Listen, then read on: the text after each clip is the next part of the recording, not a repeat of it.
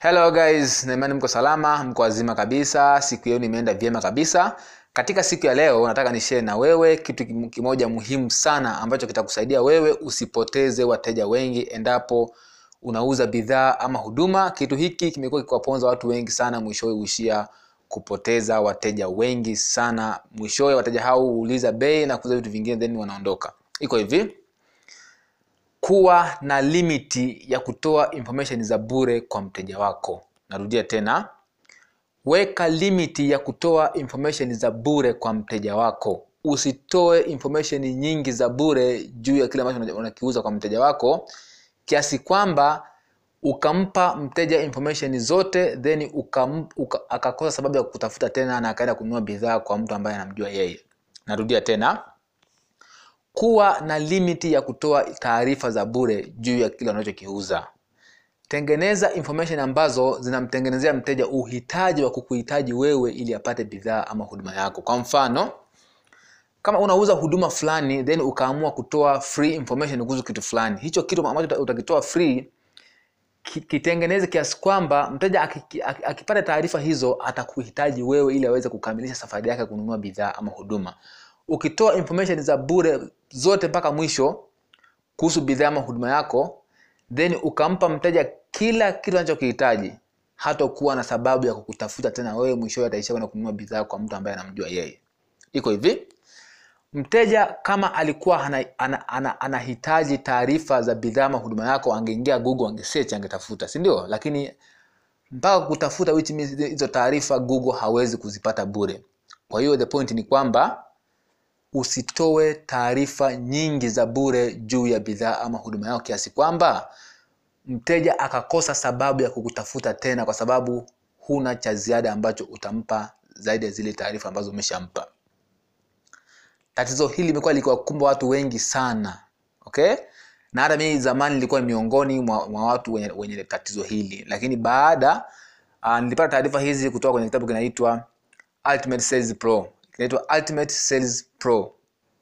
Okay? Na nimezifanyia kazi na zimeleta matokeo makubwa sana. Kuna baadhi ya mtu ni, ya- kuna baadhi ya watu wamekuja juzi nika, nika, nika, nikawapa taarifa hizi then wamezitumia. Jana wamenipa feedbacks kwamba zimefanya kazi na nikaamua kushare na nyinyi siku ya leo hapa ili muweze kuzitumia katika biashara zenu. Usitoe information za bure nyingi juu ya bidhaa ama huduma unayoiuza kuwa na taarifa za ziada ambazo mteja aki, lazima akuhitaji wewe ili aweze kukamilisha na kununua bidhaa kutoka kwako. Ukishampa mteja free information kiasi kwamba akakosa sababu ya kuhitaji msaada wako usitegemee kama atanunua tena bidhaa yako ataenda kununua bidhaa kwa mtu mwingine ambaye anamfahamu yeye. Okay? Maana yangu ni kwamba taarifa za bidhaa ama huduma yako ingekuwa ni ingekuwa ni ingekuwa ni cheap au ingekuwa ni ingekuwa ni rahisi kuzipata angeingia google angeandika angezipata taarifa. Lakini alivyokutafuta wewe which means kwamba ameona kuna kitu cha ziada kwako na zile taarifa google hazipo si ndio? Sasa kwa nini umpe mpe mteja taarifa za bure nyingi akakosa sababu ya kutafuta tunasema kwamba mfanye mteja aeni zile taarifa.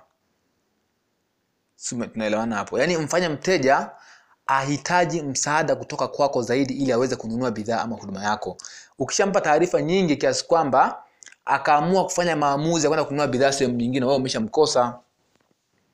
Ndio maana wauzaji wengi wakubwa huwa wana information ambazo zinamjengea mteja uhitaji ili wakumhitaji yeye amsaidie kufanya maamuzi ya kununua bidhaa ama huduma.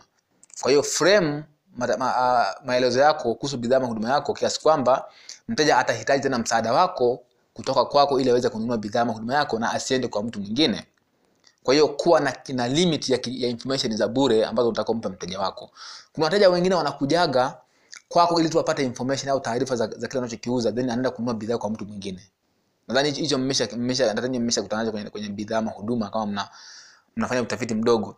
Kuna mtu anakuja ana, anauliza maswali mengi sana mengi mno. Then unamtajia kila kitu baadaye anakwambia ah, poa baadaye anaondoka lakini anapoondoka anaenda kununua bidhaa hiyo hiyo hiyo iliyokuwa na kuuza kwa mtu mwingine. Kwa sababu gani? Kwa sababu kashapata taarifa zote ambazo anazihitaji then anaenda kununua bidhaa kwa rafiki yake au kwa mtu ambaye anaamini yeye ni bora kwake. Lakini mtu huyo ungemtengenezea mazingira ya kumfunga kwamba kuna baadhi ya information hatutazitoa mpaka wale ambao wananunua bidhaa zetu tu. Ingekuwa rahisi kwa zile zile information angezi angezi angezi angezi n au angezilipia zile informations then ingekuwa rahisi wewe kumuuzia bidhaa ama huduma yako. Yani mtengeneza mazingira zile information ambazo anazitaka zaidi mpaka awe mwanachama wa kitu fulani katika biashara yenu au, au mpaka afanye kitu fulani kwenye biashara yako ndio apate ile information. Ilikuwa rahisi kwa sababu utamfunga hawezi kununua sehemu nyingine lazima atanunua kwako. Kwa sababu tu anahitaji information akitaka information then afanye kitu fulani ili apate information. Taarifa za kile unachokiuza aidha unatoa bidhaa ama huduma kama la- la- labda unatoa ushauri kuhusu kitu fulani usitoe information zote.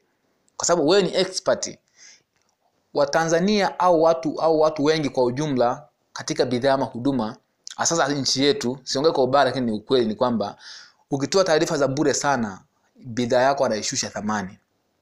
Anaiona haina thamani kabisa lakini kumbe umeamua kumsaidia. Okay? Sio so, so, tanzania tu hata nchi za wenzetu imeshafika muda sasa hivi mtu ukimpigia ndani ndani ya dakika kumi inabidi ulipe dola fulani ili tu upate information zake kwa sababu gani? Kwa sababu information zake ni expensive ni ghali. Ina maana ingekuwa ni ingekuwa information ni bure basi ungeweka tafuta google lakini kwa nini ukampiga yeye? Kwa sababu unahitaji information zake. Kwa hiyo lazima uzilipie zile information. Kwa hiyo the point ni kwamba nafanya kufanya ni kwamba taarifa zako juu ya bidhaa ama huduma unayoiuza ni za muhimu sana. Kwa hiyo kuwa na limit ya kuzoa zile taarifa usitoe taarifa ambazo zitamfanya mteja akose sababu ya kukutafuta wewe kwa sababu umeshampa kila kitu ataenda kununua bidhaa sehemu nyingine ambao anahisi yeye ni bora. Kwa hiyo kuwa, kuwa na limiti ya taarifa za bure kwa wateja wako. Tengeneza taarifa ambazo unaamini nikishampa taarifa hizi zamtengenezea mazingira ya kutaka bidhaa kutoka kwangu ili apate information zaidi. Si tunaelewana hapo? Yaani taarifa za bure yani free information ziwe, na limit ziwe na kiwango fulani. Mimi kuna muda kuna muda ikifika uh, kwa nyinyi ambao mpo, mpo, kwenye grupu hili kwenye grupu hili la mentorship tayari mmeshajiqualify kuwa ni kuwa ni familia yangu. Kuna information zingine natoa kwenu bure kabisa, lakini kuna baadhi ya watu ambao hawako kwenye grupu hili. Akinipigia simu akitaka information fulani siwezi kumpatia mpaka aingia kwenye grupu hili. Hivyo ndivyo tunasema una earn information. Si umenisoma? Kwa sababu kuna baadhi ya watu wanakuja anahitaji information unampatia kila kitu lakini mwisho wa siku anaondoka anaenda kufanya kitu kingine kwa mtu mwingine. You see kwa hiyo taarifa zako ni za thamani sio za sio za, sio za bure bure tu. Kuwa na limit za, za taarifa zako. Hasa hasa kwa wale ambao wana, wanatoa ushauri kuhusu labda tatizo fulani labda wewe una- unashauri kuhusu tatizo fulani labda unatibu tatizo fulani. Zile taarifa ni za muhimu sana. Sio kila mtu kila mtu anazo. Kuwa na taarifa za bure kwa wateja wako ni za muhimu sawa? Ambazo nataka umpe kwa uelewa lakini kuna information zingine hatakiwi kupata bure kabla hajafanya maamuzi ya kununua bidhaa yako.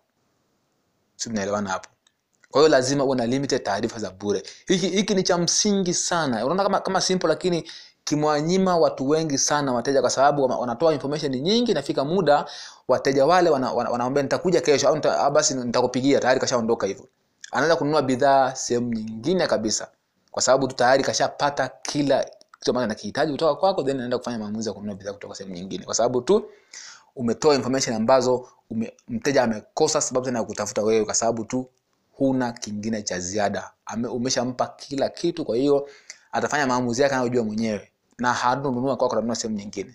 Kwa hiyo jitahidi sana uwe na limit ya taarifa za bure juu ya kile unachokiuza. Information zako ni za thamani sana usi- usijidharau.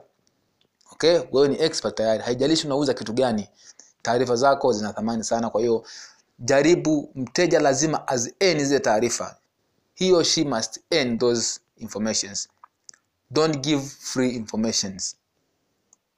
Si tunanisoma hapo. Kwa hiyo information za bure ziwe na limit ili uweze kuwafunga wateja. Lazima apate hivyo information lazima anunue bidhaa kutoka kwako. Kwa hiyo itakusaidia sana kuongeza baadhi ya wateja. Kuna, kuna wengine wateja wanakuja lakini ni mapirates. Wanakuja kufanya survey tu. Wanataka tu kujaribu atoke information zako aende kununua bidhaa nyingine. Kwa hiyo jinsi ya kuqualify wateja hiyo itakusaidia sana. Mimi sasa hivi mfumo wangu wa kutoa, kutoa information umeshabadilika. Kulingana na nimekosa uh, nimekuwa nikitoa information zangu za bure kwa watu wengi lakini bila bila bila kuwa na na, na, na, na, na, na mpangilio mzuri. Kwa hiyo nimeshaweka limit information zangu za bure. Watu wenye information zangu za bure na wakinipiga simu muda wote watu ambao wapo kwenye mentorship group kama hili. Au nje ya hapo i can't do that. Which means kwamba wewe hujajiqualify kupata information zangu. Kwa hiyo na nyie kama mnauza bidhaa ama huduma tumieni formula hii itawasaidia sana kujiongezea thamani ya kile unachokiuza free information zina- haribu sana sana sana sana. Kwa hiyo fanyeni hivyo. Kama kuna swali basi mtauliza tutapeana majibu hapa hapa. Asanteni sana